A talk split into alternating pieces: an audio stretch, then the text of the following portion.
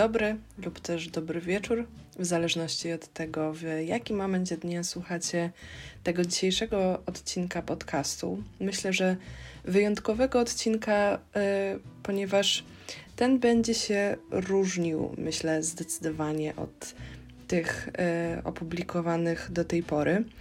E, obiecałam Wam już jakiś czas temu odcinek poświęcony jednemu z moich ulubionych literackich motywów. I mowa tutaj o mm, motywie tak zwanej martwej wody.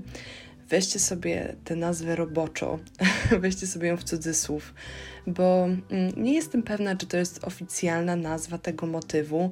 Widziałam, że ona pojawia się e, w niektórych artykułach, w niektórych badaniach. Natomiast e, no to nie jest, wydaje mi się przynajmniej, żadna oficjalna nazwa tego motywu występującego nie tylko w literaturze, ale w kulturze ogólnie.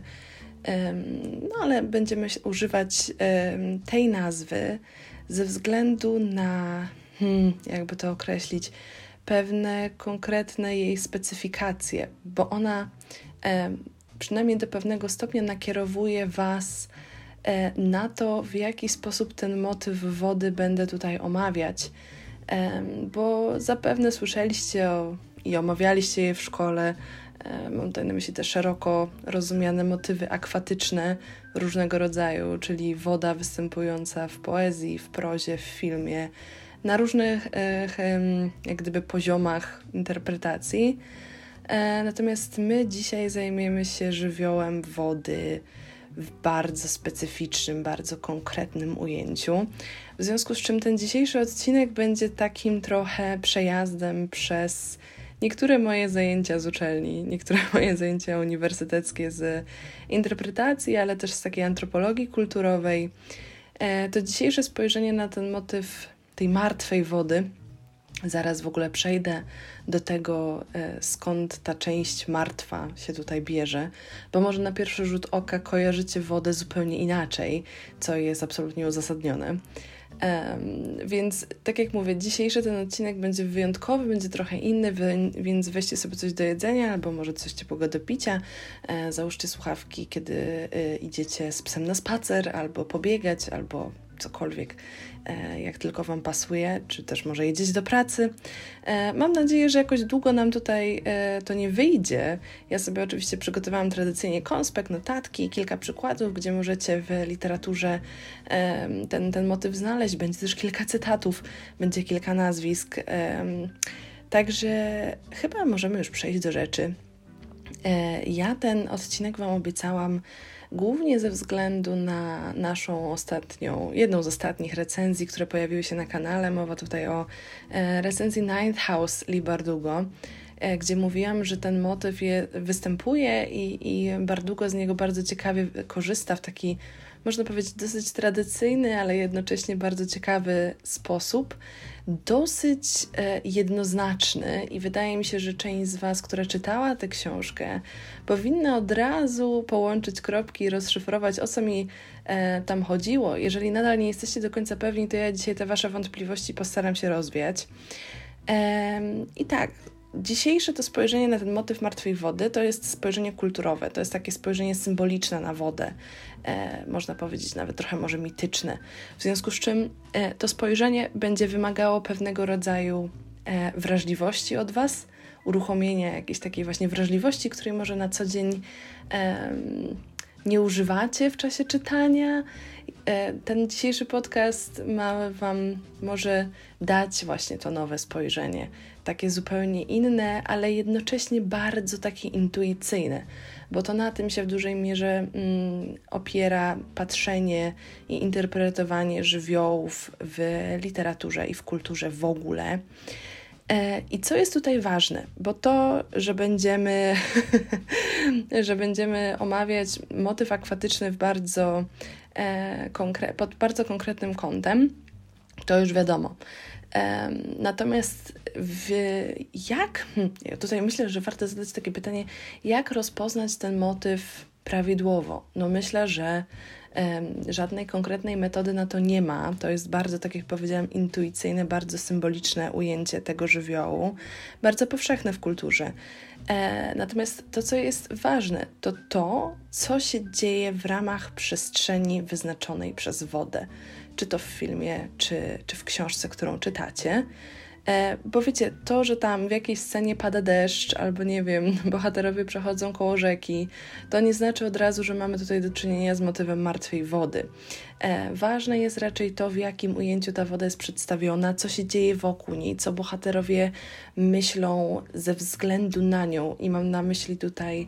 Mm, taką sytuację, na przykład, kiedy, nie wiem, bohaterowie powieści, e, no już niech będzie, idą wzdłuż rzeki, wsłuchując, wsłuchują się w rytm tej wody e, szumiącej w korycie i do czego na przykład ten szum ich e, zmusza albo do jakich, jakie przemyślenia im nasuwa. I to są tego typu, hmm, to są tego typu ramy, w związku z czym my dzisiaj będziemy się bardziej skupiać na takich przykładach dotyczących, e, uwaga, zbiorników wodnych, szeroko pojętych, raczej nie deszczu, raczej nie śniegu. To bym odłożyła trochę na bok, chociaż to nie jest tak, że deszcz i śnieg w ogóle nie łapią się w ramy e, tego motywu martwej wody. Jest, powiedziałabym, wręcz przeciwnie. Ich wykluczać jakby absolutnie nie wolno tak całkowicie, bo chociażby analiza ostatnich historii Olgi Tokarczuk, mm, popełniona przez Katarzynę Witkoś, e, no pokazuje, że jednak ten deszcz i śmierć również się mieszczą w ramy tego motywu martwej wody. Nie chcę tutaj przytaczać może całego tego artykułu. On jest do znalezienia na Google Scholar. To jest bardzo dobry tekst, polecam Wam go, jest bardzo ciekawy, ale no, mm, wydaje mi się, że trzeba znać ostatnie historie Tokarczuk, żeby wiedzieć o co dokładnie chodzi, bo to są już takie analizy wchodzące bardzo mocno w szczegóły fabuły. Nawet nie czuję, kiedy rymuję. Słuchajcie, ostatnia historia Olgi Tokarczuk to jest taka powieść, którą można określić jako pejzaż śmierci. Tam mamy do czynienia z trzema liniami czasowymi e, babki, matki i córki, które też według Witkoś, według mnie też, to znaczy może inaczej, ja też się zgadzam z tym, z tym pojęciem, bo, bo to jest dosyć e, typowe dla twórczości Tokarczuk. One reprezentują tak zwany mit lunarny, tak? czyli e, młodość, dojrzałość i starość. To jest też bardzo takie myślę, jasne skojarzenie, bardzo intuicyjne, związane właśnie z tym kultem lunarnym, ale my dziś, dzisiaj nie o kulcie lunarnym rozmawiamy. W każdym razie e, wszystkie trzy bohaterki stykają się w jakiś sposób ze śmiercią. E, jedna z nich jest e, na egzotycznych wyspach, otoczona oceanem. Dwie pozostałe z kolei znajdują się w przestrzeni wyznaczonej przez górskie szczyty obsypane śniegiem. I właśnie to Witkoś również interpretuje jako ten E, no, pewnego, razu odgałęzienie, pewnego rodzaju odgałęzienie tego motywu martwej wody. Tutaj oczywiście symbolika jest jeszcze, jeszcze silniejsza, bo możemy rozmawiać o symbolice samej wyspy stricte, góry, która również jest bardzo silnym, bardzo istotnym symbolem, bardzo mi również bliskim, e, na który ja często zwracam uwagę. Ale ponownie, my dzisiaj nie o górach. W każdym razie, przejdziemy teraz już absolutnie do konkretów. E, w kulturze woda jest przedstawiana zwykle w trzech kontekstach. E, czyli jako żywioł, który daje życie przede wszystkim. Bardzo możliwe, że to Wam się e, skojarzyło w pierwszej kolejności, czyli woda, żywioł dający życie nie tylko ludziom, ale także wszystkiemu dookoła roślinom, ziemi itd., tak itd. Tak e, istnieje nawet coś takiego jak e, mitologia agrarna i tam mowa jest o tym, e, jak ziemia jest zapładniana przez niebo za pośrednictwem deszczu. To oczywiście też się wiąże niejako z postrzeganiem ziemi i nieba jako może inaczej. Mowa jest tutaj bardzo często o personifikacjach e, nieba i ziemi. W bardzo wielu kulturach, bardzo wielu mitologiach ziemia e, ma ten pierwiastek żeński, kobiecy, a niebo z reguły jest reprezentowane przez postaci męskie. Tutaj przychodzi mi na myśl głównie Uranus i Gaia chociażby to wydaje mi się jest takie najprostsze skojarzenie, e, ale mm, ono występuje również między innymi w mitologii egipskiej. Jeżeli ktoś się tym zajmuje, to wydaje mi się, że też powinien to skojarzyć. Mm, woda również może zostać ukazana jako żywioł, który daje oczyszczenie. E, I to oczywiście e, rozpopularyzowała, wydaje mi się, w dużym stopniu religia chrześcijańska, e, która wody używa symbolicznie w wielu rytuałach, chociażby w czasie chrzcin. Myślę, że to skojarzenie również jest dosyć jasne. Mycie rąk i tak dalej, i tak dalej.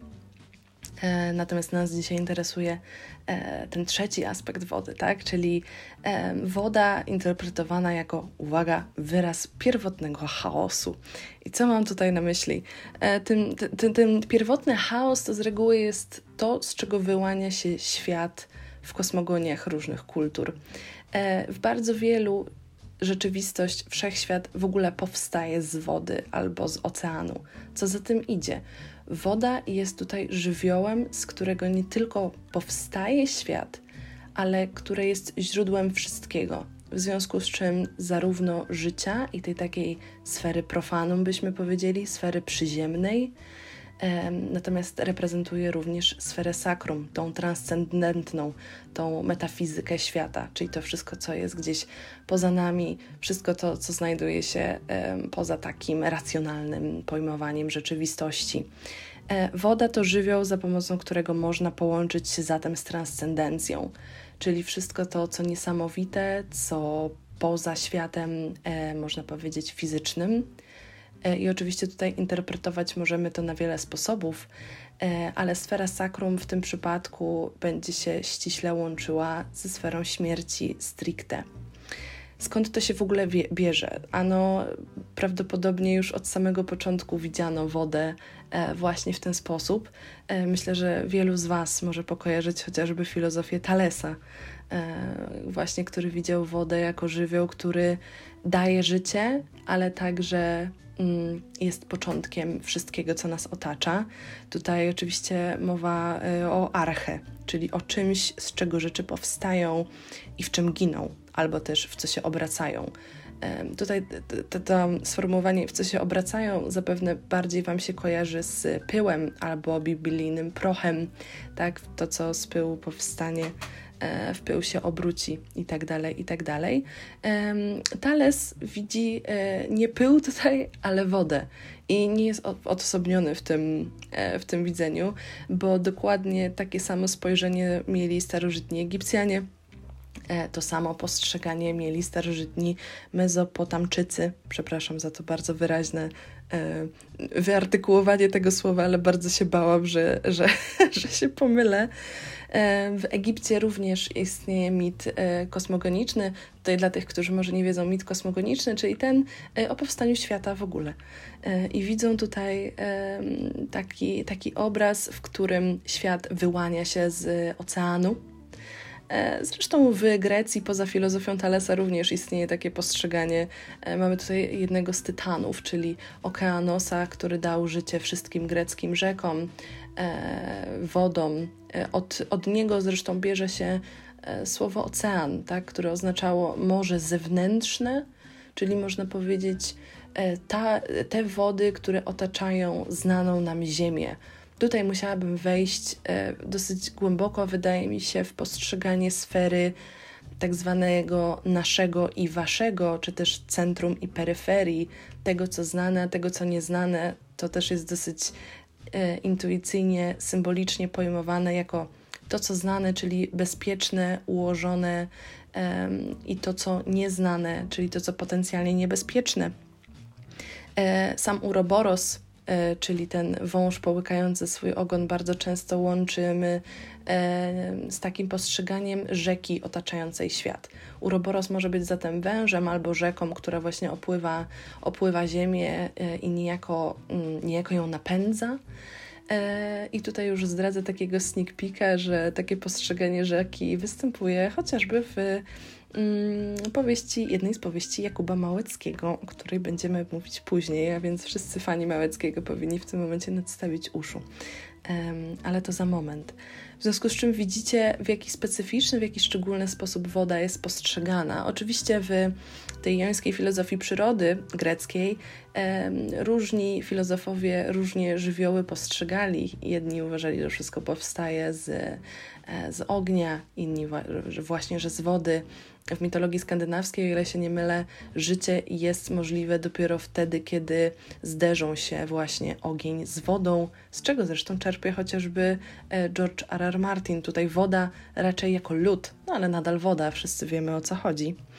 E, natomiast wydaje mi się, że e, poza poza tymi właśnie takimi wskazówkami stricte mitologicznymi, bardzo istotne będą e, badania Gastona Bachelarda, francuskiego e, filozofa, antropologa, e, ale do tego przejdę za moment, e, bo chciałabym jeszcze na, na, sekundkę zostać przy mitologii, bo wydaje mi się, że w momencie, w którym rozmawiamy o takim mitycznym, symbolicznym postrzeganiu no, tych zbiorników wodnych, ale nie tylko, nie tylko mórz i oceanów, ale także rzek, no to chyba koniecznym jest odwołanie się do najbardziej znanej nam, najbardziej powszechnie kojarzonej w Europie mitologii greckiej, gdzie rzeka w ogóle mm, ma bardzo szczególne znaczenie ze względu na specyficzne ukształtowanie ziemi w Grecji, e, gdzie tych rzek paradoksalnie wcale tak dużo nie ma. E, w związku z czym sama rzeka będzie miała w tamtej kulturze znaczenie szczególne, niemalże boskie. Natomiast rzeka ma również e, szczególne znaczenie w samej mitologii. E, myślę, że wszyscy kojarzymy Styx, albo też Letę, do której, do której nawiązuje Bardugo w swojej książce, nazywając to dziewiąte bractwo, ten tytułowy właśnie dziewiąty dom studencki w nawiasie, domem Lety. E, Styx, czyli rzeka, e, która, którą trzeba podążyć, żeby dostać się do zeświatów, e, do Hadesu, do Tartaru, mm, do, do tego świata podziemi, do krainy umarłych. I nie jest to postrzeganie ponownie odosobnione, nie tylko Grecy coś takiego wymyślili. Pomijam już jak wyjątkowy status ma w Egipcie na przykład Nil, ale natomiast tutaj właśnie w Egipcie Nil jest raczej postrzegany jako rzeka dająca życie, ponownie ze względu na bardzo specyficzny, konkretny klimat. E, natomiast chociażby w, w Babilonii, w Mezopotamii e, oraz w Grecji rzeka będzie kojarzona ze śmiercią e, jako droga do śmierci. Oczywiście wszyscy kojarzymy zapewne owy Styx, ową Styx w sumie powinnam powiedzieć, bo to przecież e, najstarsza córka Okeanosa właśnie wspomnianego wcześniej, e, którą właśnie przepływa Charon wożąc duszę E, właśnie do tego świata zmarłych, oczywiście za opłatą. W związku z czym rzeka jest tutaj przestrzenią, mm, można powiedzieć, dzięki której w ogóle możemy dotrzeć do świata zmarłych stricte. Końcem e, tej, tej rzeki, tej drogi w mitologii greckiej będzie e, oczywiście wspomniany Hades, Natomiast można również to interpretować, ten Hades w gruncie rzeczy, jako morze bądź jako ocean ponieważ mamy tutaj do czynienia z podziałem na dwa różne e, zbiorniki wodne, to to również ma duże znaczenie, czyli e, wodę, która się porusza i wodę stojącą. I ponownie tutaj przy okazji tej wody stojącej powinniśmy zaznaczyć, że morze i ocean są niejako pomiędzy tymi dwoma klasyfikacjami. Rzeka jest zdecydowanie mm, tą wodą, która jest cały czas w ruchu. Ona cały czas płynie w jednym kierunku, w związku z czym e, to pokojarzenie jej z drogą, z taką linearnością jest bardzo intuicyjne. E, natomiast wiemy o tym, że morze i ocean również się poruszają za sprawą fal. Natomiast jest to ruch bardzo szczególny, bo to jest ruch monotonny, ciągły, nieskończony, e, brzmiący i wyglądający cały czas tak samo. No i mamy oczywiście te zbiorniki zamknięte, czyli wszelkie jeziora i stawy, na których e, tego ruchu raczej się nie obserwuje, chyba że pod wpływem wiatru, ale no, to jest już troszeczkę e, za daleko. E, myślę, to spojrzenie by nasze sięgało, gdybyśmy takie aspekty tutaj również rozważali.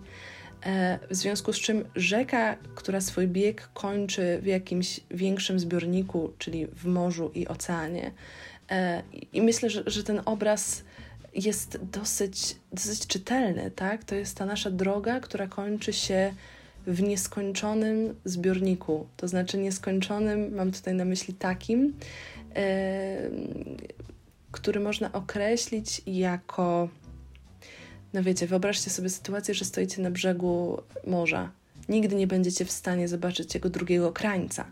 W związku z czym e, takie bardzo pierwotne, e, starożytne, można wręcz powiedzieć, myślenie będzie wyglądało tak: aha, czyli to jest zbiornik, który nie ma końca. E, I to pokojarzenie go z taką nieskończonością drugiego życia, tego życia po życiu, tej śmierci, która w gruncie rzeczy nie ma, nie ma krawędzi, ponownie rymuje, nie ma krańca. Śmierć się zaczyna, ale ona nigdy się nie kończy, podobnie jak morze i ocean.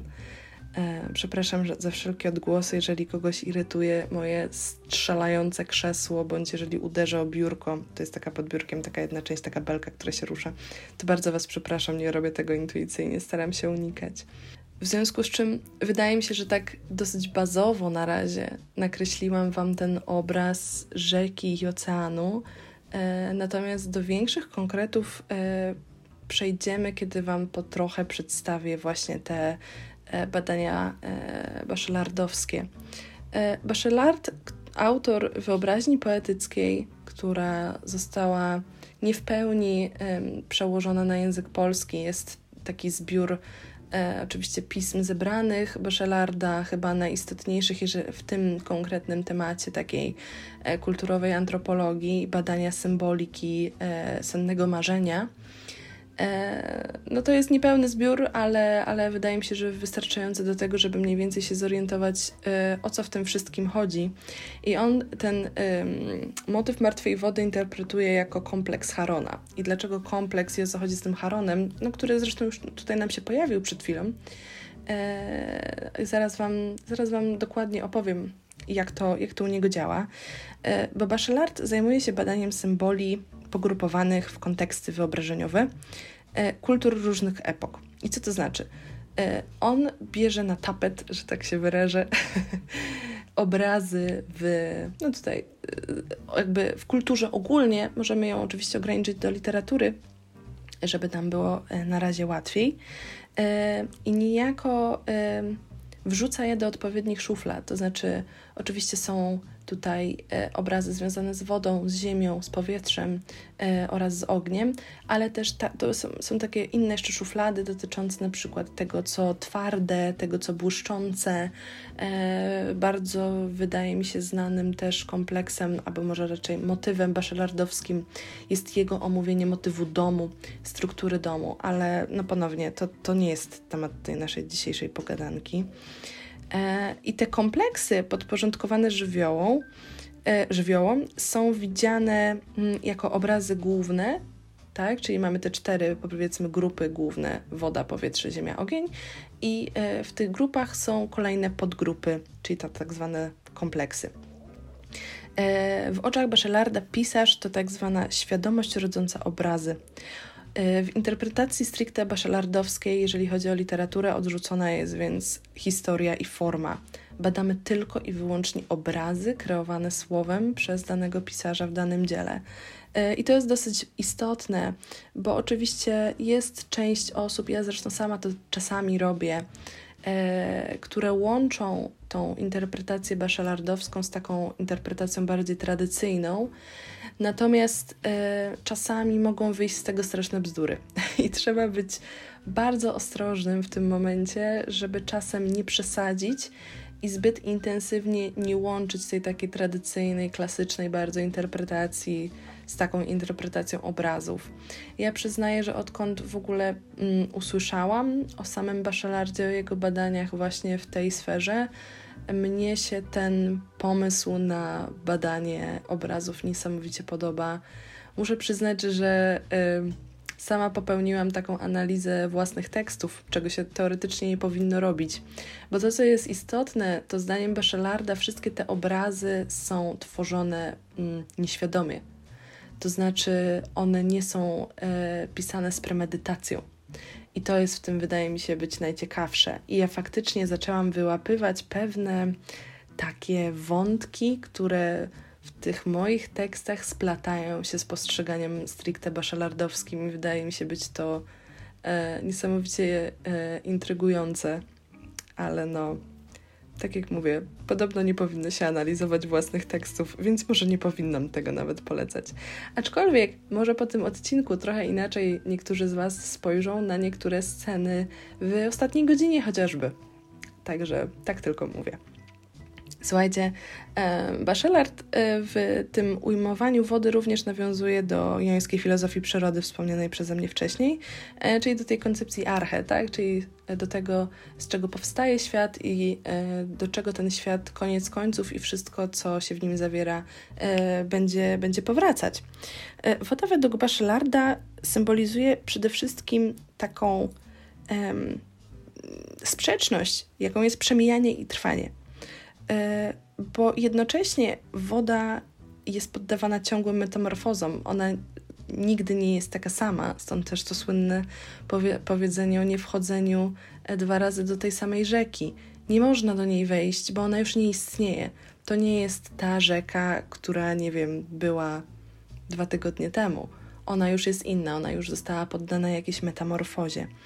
E, woda jest oczywiście najbardziej plastycznym z żywiołów ma różne formy, może tak naprawdę e, dostosowywać swój kształt e, do, no, do, do, do innej formy z kolei. Mm, woda będzie zatem, mm, ponownie odwołując się między innymi do tych mitów kosmogonicznych i filozofii, będzie reprezentować zarówno życie, jak i śmierć. Będzie reprezentować czystość, będzie również paradoksalnie często kojarzona z pierwiastkiem E, żeńskim, z pewną kobiecą siłą. Mm, Bachelard zwraca również e, uwagę na to, jak woda jest przedstawiona, to znaczy, czy ona jest jasna, przejrzysta, czy można dostrzec dno, czy wręcz przeciwnie. To w takiej e, bachelardowskiej interpretacji również jest bardzo istotne. no i jak już tutaj jesteśmy w tym temacie, no to Bachelard wyróżnia raz, dwa, trzy, cztery pięć e, kompleksów związanych właśnie z wodą. Pierwszy z nich to jest kompleks łabędzia, który jest kojarzony, to jest obraz e, nagiej kobiety, bardzo często w towarzystwie bieli, która symbolizuje czystość e, i niepokalanie. To jest kobieta ujawniona, odkryta, w związku z czym wiąże się to z potencjałem erotycznym nie tylko samej kobiety, ale przede wszystkim wody. Co ważne, obraz łabędzia jest dwupłciowy. E, ten spokojny i bierny łabędź jest kobiecy, z kolei działanie nadaje mu takiej męskiej dynamiki. E, no i oczywiście to, ten obraz śpiewu łabędzia, tego śpiewu miłości, ale też e, miłosnej śmierci, bo to jest obraz pożądania, pragnienia, ale mówi się o tym łabędzim śpiewie jako tym ostatnim tchnieniu bardzo ważnym kompleksem jest tak zwany kompleks Edgara Alana Poego.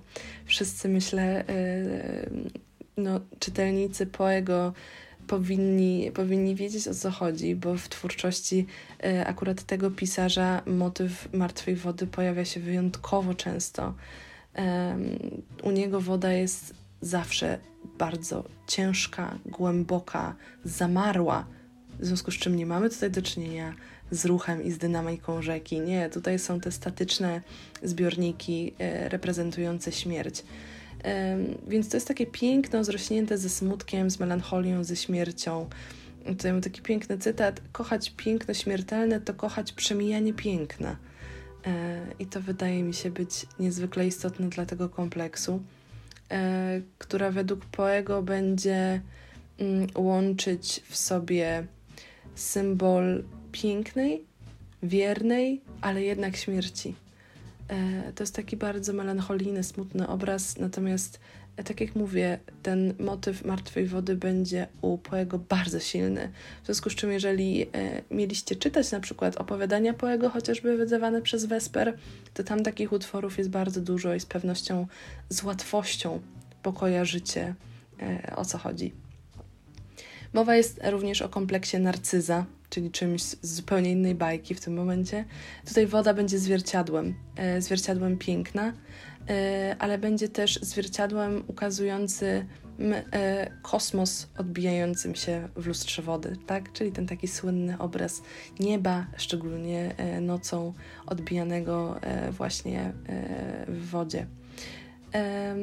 to będzie taki obraz reprezentujący dążenie do piękna i zaspokojenie tej potrzeby.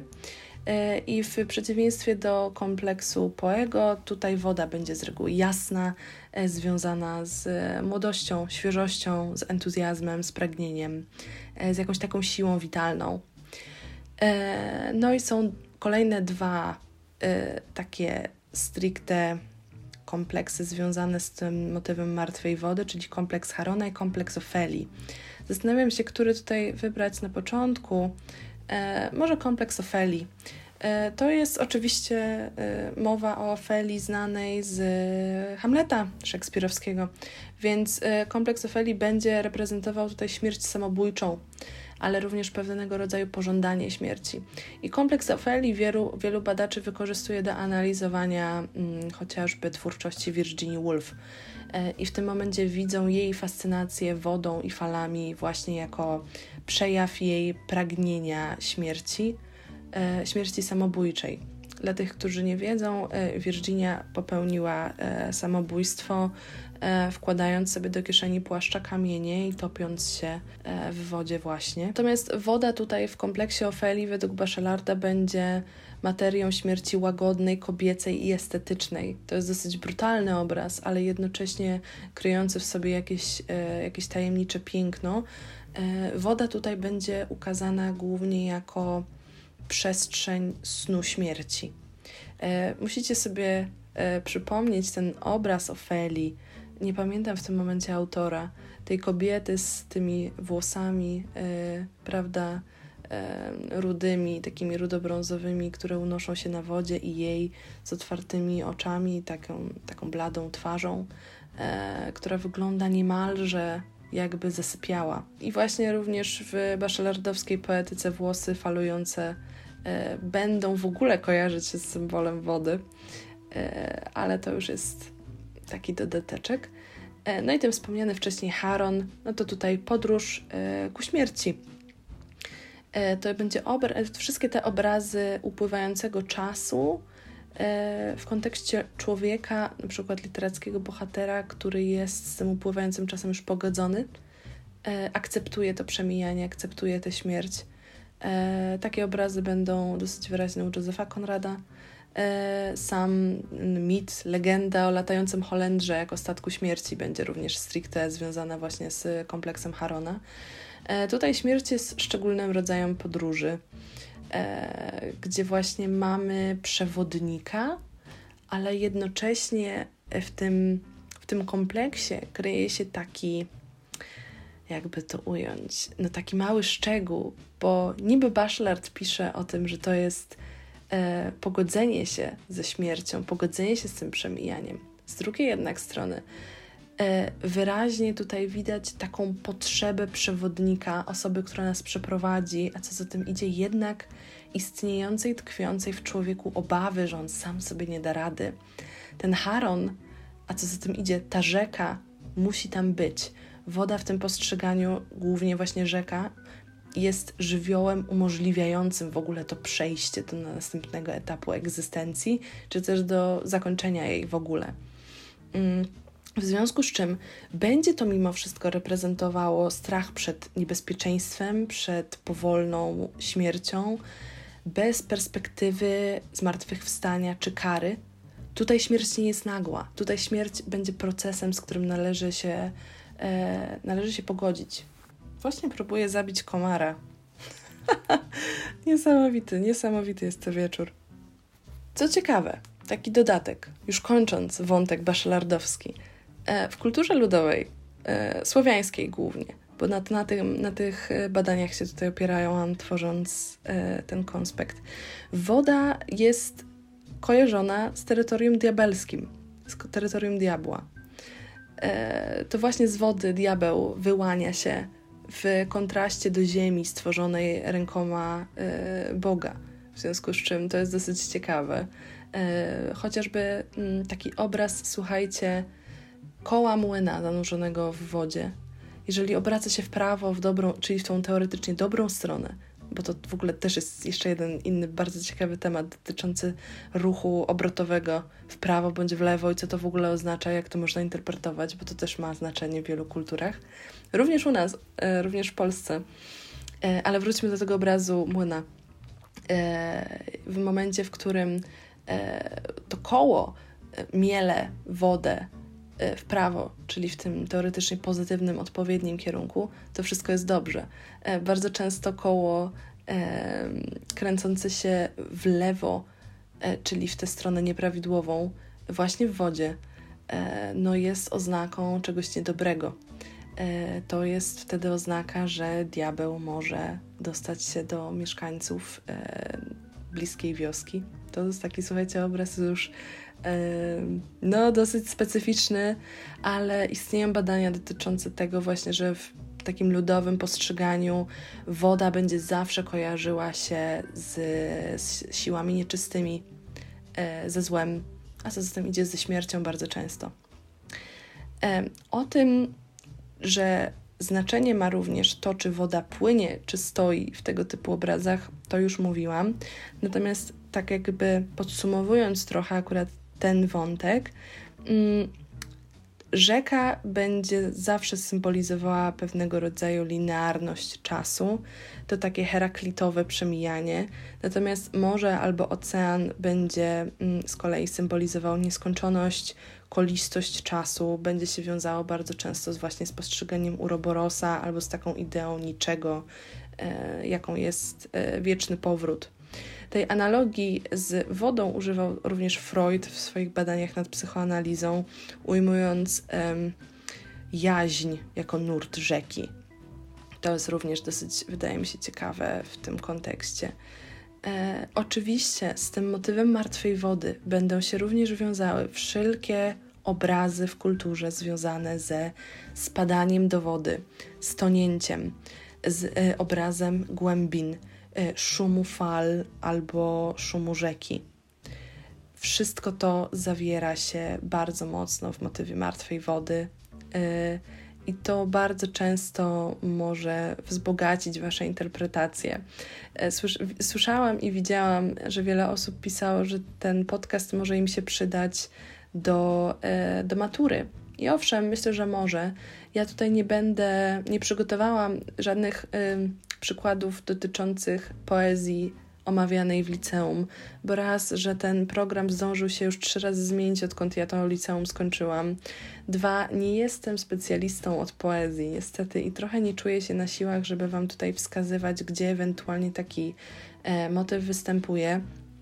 Dosyć wyraźnie e, można interpretować przez ten pryzmat e, jądro ciemności Josepha Conrada, e, gdzie oczywiście rzeka ma bardzo istotne, jeżeli nie kluczowe znaczenie.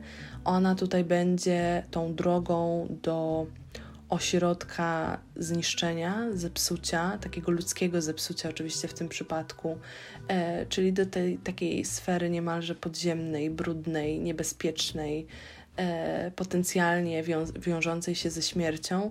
E, na końcu tej drogi oczywiście jest ta cała wioska, do której trafiają bohaterowie jądra ciemności, no i jest oczywiście Kunc, czyli jak gdyby samo epicentrum tego wszystkiego. E, no i co ważne, bohaterowie oczywiście e, podążają początkowo statkiem, tak, czyli tą drogą wodną. Słuchajcie, jeżeli chodzi o jakieś przykłady takie stricte, bo ja tutaj może sobie gadam i dla mnie to wszystko jest jasne, o co mi tak naprawdę chodzi w, e, w, tym, w tym moim e, monologu, ale może wy nadal nie bardzo czaicie o co chodzi. W związku z czym ja do was, dla was mm, przygotowałam kilka takich e, przykładowych e, utworów. E, mam jeden film i kilka, e, kilka różnych książek. Nie będę tutaj przeprowadzała takiej bardzo drobiazgowej analizy wszystkich przejawów motywu martwej wody w tych utworach. Raczej to będą dla Was takie, takie mrugnięcia okiem, żebyście może bardziej zwracali po prostu uwagę e, na te motywy akwatyczne w tych utworach i które Wam w jakiś sposób może pomogą zrozumieć istotę tego motywu. Mm, o jądrze ciemności już mówiłam, e, również o ostatnich historiach Olgi Tokarczuk wspominałam. Wydaje mi się, że również prawie inne czasy można troszeczkę przez ten pryzmat e, interpretować, natomiast w tym momencie tutaj troszkę naciągam, bo tutaj mowa, znaczy tutaj mam na myśli w prawieku, mowa jest głównie o dwóch rzekach, o jednej szczególnie, e, o rzece białej i czarnej. Jedna z nich cały czas wylewa co sprawia niemałe kłopoty księdzu, e, który później obserwuje swoją, swoją łąkę, swoją kochaną łąkę zalaną, na której plenią się żaby i węże. W związku z czym tutaj woda będzie raczej tak właśnie postrzegana jako to takie źródło jakiejś diabelskości, tak? E, to będzie raczej taka już chrześcijańska symbolika, ale to też jest dosyć ciekawy obraz, więc pomyślałam, że i tak o nim Wam powiem. E, o Edgarze Allanie Poe również wspominałam. E, z tych przykładów filmowych weźcie sobie na tapet albo sobie obejrzyjcie, bo jest już dostępny na VOD. 1917. A jeżeli widzieliście ten film, to przypomnijcie sobie scenę z rzeką, ja nie chcę tutaj spoilować tym osobom, które tego filmu nie widziały, a chcą. Natomiast jest tam jedna scena, e, bardzo silnie związana z rzeką, i tam ta metaforyka przez Mendesa zostaje ujęta w piękny sposób. E, przypomnijcie sobie, co się dzieje e, w trakcie tej sceny, e, czego, czego Mendes e, używa, żeby niejako połączyć wodę e, z tym, z tym motywem właśnie martwej wody stricte. To jest bardzo ciekawy obraz. Dla mnie on był bardzo wyraźny i może to też jest jakiś taki element tego, dlaczego ja się tak podkochuję w tym filmie. Pamiętam, że ta scena, e, jak jedna z wielu, absolutnie mnie kupiła. E, myślę, że Night House zostawię na koniec tego wszystkiego. E, słuchajcie, warto tutaj opowiedzieć o tej wspomnianej przeze mnie, zapowiedzianej niejako powieści e, Jakuba Małeckiego, a mam sobie na myśli Dygot. I teraz skąd ja to wiem? A no oczywiście, kochani, bo grzebałam w tym temacie e, w trakcie pisania magisterki, bo Dygot jest jedną z powieści, którą opracowuję. E, I tam Małecki wykorzystuje rzekę właśnie jako wyraz tej sfery metafizycznej, nadprzyrodzonej, tej, która kojarzy się ze śmiercią. Ponownie, nie chcę tutaj za bardzo Wam spoilować, bo, bo zapewne są tutaj osoby, które może by chciały tę książkę przeczytać, e, a jeszcze nie miały ku temu okazji. W związku z czym ja Was tylko tak delikatnie nakieruję. Rzeka w Dygocie, albo, albo raczej szum rzeki, niesie głosy zmarłych i żywych, i bohaterowie słyszą ten szum i te głosy w takich momentach e, niezwykle emocjonalnie silnie nacechowanych, w takich momentach, e, w których oni znajdują się na granicy życia i śmierci. I tylko i wyłącznie wtedy o tej rzece jest mowa. Pod koniec Dygotu jest taki jeden fragment, który pod względem poetyki, pod względem narracji wybija się na tle innych, bo on nie pasuje absolutnie do tej narracji e, przedstawianej wcześniej. I on również jest tworzony e, na bazie rzeki, właśnie tego nurtu. E, w związku z czym to też jest, wydaje mi się, dosyć ciekawy obraz. Ja nie zaobserwowałam w innych powieściach przeze mnie czytanych Małeckiego tego obrazu. E, natomiast wydaje mi się, że Dygot w ogóle ma najbardziej takie ambicje bycia troszeczkę realizmem magicznym, e, ale też nie do końca, bo tutaj Małecki tworzy tą przestrzeń wiejską, tą przestrzeń dziecięcą jako taką niezwykłą pod względem tego, że ona oczywiście odznacza się jakimiś cechami baśniowymi, a więc fantastycznymi. Też niektórzy by może badacze powiedzieli mitycznymi bo też czytałam takie artykuły. E, więc ten, ta taka dosyć intensywnie pokazywana metafizyka w Dygocie w jakiś tam sposób mnie nie dziwi.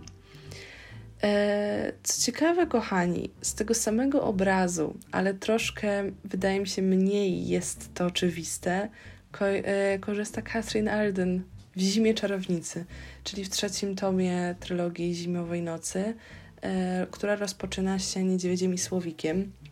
Ja tutaj specjalnie sobie ten fragment znalazłam w polskim tłumaczeniu, więc otwieramy książkę. Nie wiem, czy słyszycie teraz szelest kartek.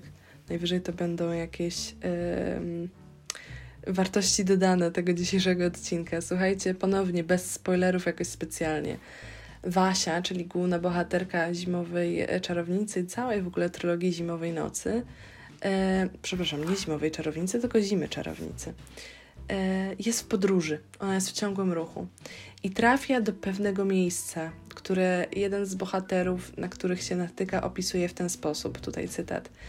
To kraina między południem a północą, między zimą a wiosną. Jezioro leży w samym środku. Wszystkie krainy stykają się tu, nad wodą, i możesz przejść z jednej do drugiej. Słuchajcie, to, co tutaj robi Arden, jest ponownie przedstawieniem krainy w taki niezwykle symboliczny, mityczny sposób, e, bo przede wszystkim ona ma, e, tworzy kształt tej krainy jako okręgu. Jezioro leży w samym jego środku. Wszystkie krainy stykają się tu, nad wodą, i możesz przejść z jednej do drugiej. W związku z czym Wzdłuż brzegu jeziora roztaczają się wszystkie te magiczne, nadnaturalne krainy. Y, jezioro w tym przypadku pełni rolę tak zwanego axis mundi, czyli osi świata, czyli tego punktu, wokół którego świat się rozprzestrzenia. Jezioro jest tutaj zatem centrum. Co za tym idzie, jeżeli jest centrum, to musiało być pierwsze, a więc to z wody powstają te krainy, i niejako na jeziorze się one kończą. E, z reguły Axis Mundi e, jest reprezentowany przez słup albo przez górę. Słuchajcie, dla tych, którzy są ciekawi tego, to odsyłam do książki. mój Boże, jak się nazywała ta książka? Słuchajcie, za nic sobie nie mogę przypomnieć, jak się ta książka w polskim przykładzie nazywa Eliadego. natomiast e, tam jest mowa właśnie o E, świętości natury, religii, świętym czasie, e, ale również sferze, oczywiście kartki jako element dodatkowy, e, Sacrum i Profanum. I tam znajdziecie właśnie całe, całe duże opracowanie tego, tego motywu właśnie Axis Mundi. I Arden z tego bardzo wyraźnie tutaj korzysta. I to jest absolutnie zachwycające. Bardzo się cieszę, że w takiej książce jak ta znalazło się miejsce na odwołanie właśnie do tego motywu. Mm, no i jest też Ninth House. E, myślę, że to nie jest spoiler, kochani, więc możecie spokojnie tego, tego posłuchać. E, w Ninth House woda, rzeka jest przestrzenią, która przenosi e, bohaterów na tak zwaną drugą stronę to, że w ogóle dusze zmarłych są obecne w przestrzeni fabuły, to już wiecie, bo o tym mówiłyśmy w recenzji. Żeby się połączyć z tymi duszami, z tym światem zmarłych, no to można zrobić za pośrednictwem wody. Tylko i wyłącznie. E, później ten świat zmarłych, opisywany przez Bardugo, jest wyznaczany przez rzekę, właśnie. Rzekę, która jest granicą pomiędzy tym, co żywe, a tym, co umarłe. I to jest wspaniale wykorzystany motyw rzeki. Brawa duże dla Lee za to, że e, ponownie to wykorzystała, przynajmniej ze swojej strony. E, oczywiście wszystkie te obrazy związane z wodą są bardzo, bardzo, bardzo, bardzo, jeszcze raz, bardzo silnie e, obecne w twórczości moich dwóch ukochanych mm, pisarek, czyli Sylwii Plath i Virginia Woolf. E, większość opowiadań Plath które chyba w Polsce zostały wydane nakładem wydawnictwa Iskry yy, albo Iskra, Iskra Boża, o ile się nie mylę. One nie są teraz dostępne tak w szerokiej dystrybucji, możecie je znaleźć na Allegro albo w bibliotece. To jest taki dosyć cienki tomik opowiadań. Yy, większość tych małych tekstów, tych miniatur yy, prozatorskich, ich akcja dzieje się nad wodą. Bardzo często wspominana jest plaża, bardzo często właśnie wspomina, na, wspominane jest morze albo ocean. E, Plaw fascynował temat śmierci. E, I to wydaje mi się, wiemy wszyscy. I jest to także taki motyw bardzo widoczny w jej najsłynniejszych, wydaje mi się, e, utworach, w Meduzie, w Ariel, w Lady Lazarus, czy też w Lady Łazarz, w zależności w jakim macie e, przekładzie ten, e, ten tekst. Jeden z jej tomików e, wierszy opracowywanych przez jej męża Teda Hughesa e, nazywał się Crossing the Water, przekraczając wodę. Co ciekawe, to jest utwór, ten tytułowy, przekraczając, znaczy Crossing the Water, bo on nigdy się nie doczekał właśnie polskiego przekładu. To jest w ogóle bardzo ciekawe. Ja ten tekst analizowałam właśnie na zajęciach z antropologii e, przez pryzmat e, obrazów bachelardowskich. Zostało to ocenione bardzo pozytywnie, więc zakładam, że coś w tym jest. Mm, również u Virginia Woolf bardzo wyraźnie obecny jest ten motyw. E, wydaje mi się, że to jasno spokojarzycie, jeżeli Pamiętacie tytuły chociażby powieści e, Virginia Woolf. E, oczywiście mamy fale, gdzie ten szum fal, ten rytm fal kojarzony jest z cyklem życia i śmierci właśnie. E, mamy do latarni morskiej, gdzie woda na początku tej fabuły jest takim elementem uspokajającym bohaterów, spajających ich, który sprawia, że oni czują się bezpiecznie i czują się całością. Natomiast z biegiem czasu woda całkowicie zmienia swoje znaczenie. E, a pamiętajcie, że do latarni morskiej jest książką o nieobecności, o braku, e, o takim poczuciu nagłego opuszczenia. E, o fascynacji motywem fal i wody, właśnie, który podobnież według niektórych badaczy jest odbierany jako właśnie ten taki sygnał śmierci samobójczej, już mówiłam, natomiast na to też weźcie poprawkę, że tutaj um, no nie jest to do końca jasne, bo oczywiście my z perspektywy dzisiejszej, czy w ogóle z perspektywy post-Wolfowskiej możemy w ten sposób interpretować jej utwory. Natomiast czy to tak w 100% było, ciężko powiedzieć. Jasnym jest natomiast dosyć, że twórczość Wolf również jest naznaczona pewnego rodzaju fascynacją wody. To znaczy, Bachelard powiedziałby, że jej wyobraźnia jest właśnie naznaczona motywem wody, tymi kompleksami wodnymi, że one są w jej twórczości najbardziej obecne. Podobnie zresztą jak u Plaw. Mm, jest też Wolfowski między aktami. I tutaj taki cytat: Powyżej powietrze w pędzie, poniżej woda ona stała pomiędzy tymi dwiema płynnościami, gładząc krzyżyk. Tutaj oczywiście jest e, cytat właśnie z utworu e, Między aktami, e, gdzie też troszeczkę się odwołujemy do tej takiej dwoistości świata, czyli mamy powietrze albo wodę. Powietrze, czyli żywioł stricte związany z niebem. Myślę, że ta symbolika jest dosyć jasna, czyli z tą taką sferą sakralną, ale dotyczącą zbawienia, ratunku, może jakiejś religijności. No i jest ta woda, czyli w gruncie rzeczy śmierć, ale nie wiadomo jaka. Ten inny koniec niż ten związany z powietrzem. A może powietrze będzie tutaj jako e, pierwiastek życia, a woda jako pierwiastek śmierci. To też jest bardzo możliwe. Także słuchajcie, to jest tyle, co dzisiaj dla Was przygotowałam. Myślę, że o tym temacie można by mówić o wiele, wiele dłużej. Natomiast jeżeli jesteście ciekawi, to jest masa opracowań dotycząca motywu e, w ogóle akwatycznego w ujęciu e, tego, tego zderzenia się e, życia i śmierci. E, no, masa tego jest, czy w Google Scholar, czy w Google tradycyjnym możecie szperać. E, tak podsumowując, Myślę, że ten motyw można w ogóle obierać i oglądać na wszystkie strony i wyciągać z niego różne rzeczy. Musicie zawsze brać pod uwagę, jeżeli chcielibyście właśnie interpretować przez ten pryzmat jakiejś sceny, żeby zastanowić się, co się tak naprawdę w tej scenie dzieje. Czy bohater jest pod wodą, czy się z niej wynurza, czy nie. E, czy ta woda, tak jak wspominałam, jest jasna, przejrzysta, czy wręcz przeciwnie, czy coś się w niej kryje, czy ona wzbudza niepokój, czy nie, czy może e, to wcale nie będzie motyw martwej wody, może to będzie woda jako oczyszczenie, albo woda właśnie jako życie. Także to wszystko trzeba bardzo ostrożnie interpretować zalecam Wam się za bardzo nie rozpędzać, bo jeżeli na przykład zajmujecie się mm, poezją młodopolską, to tam również ten motyw martwej wody będzie dosyć, e, dosyć e, wyraźny. W ogóle motywy akwatyczne w poezji młodopolskiej będą dosyć wyraźne, ale tak jak mówię, ja nie jestem specjalistą nie podejmuję się tego, tego tematu. Ja jestem raczej człowiekiem prozy, i, i wolałabym tutaj mm, pozostać na tym polu.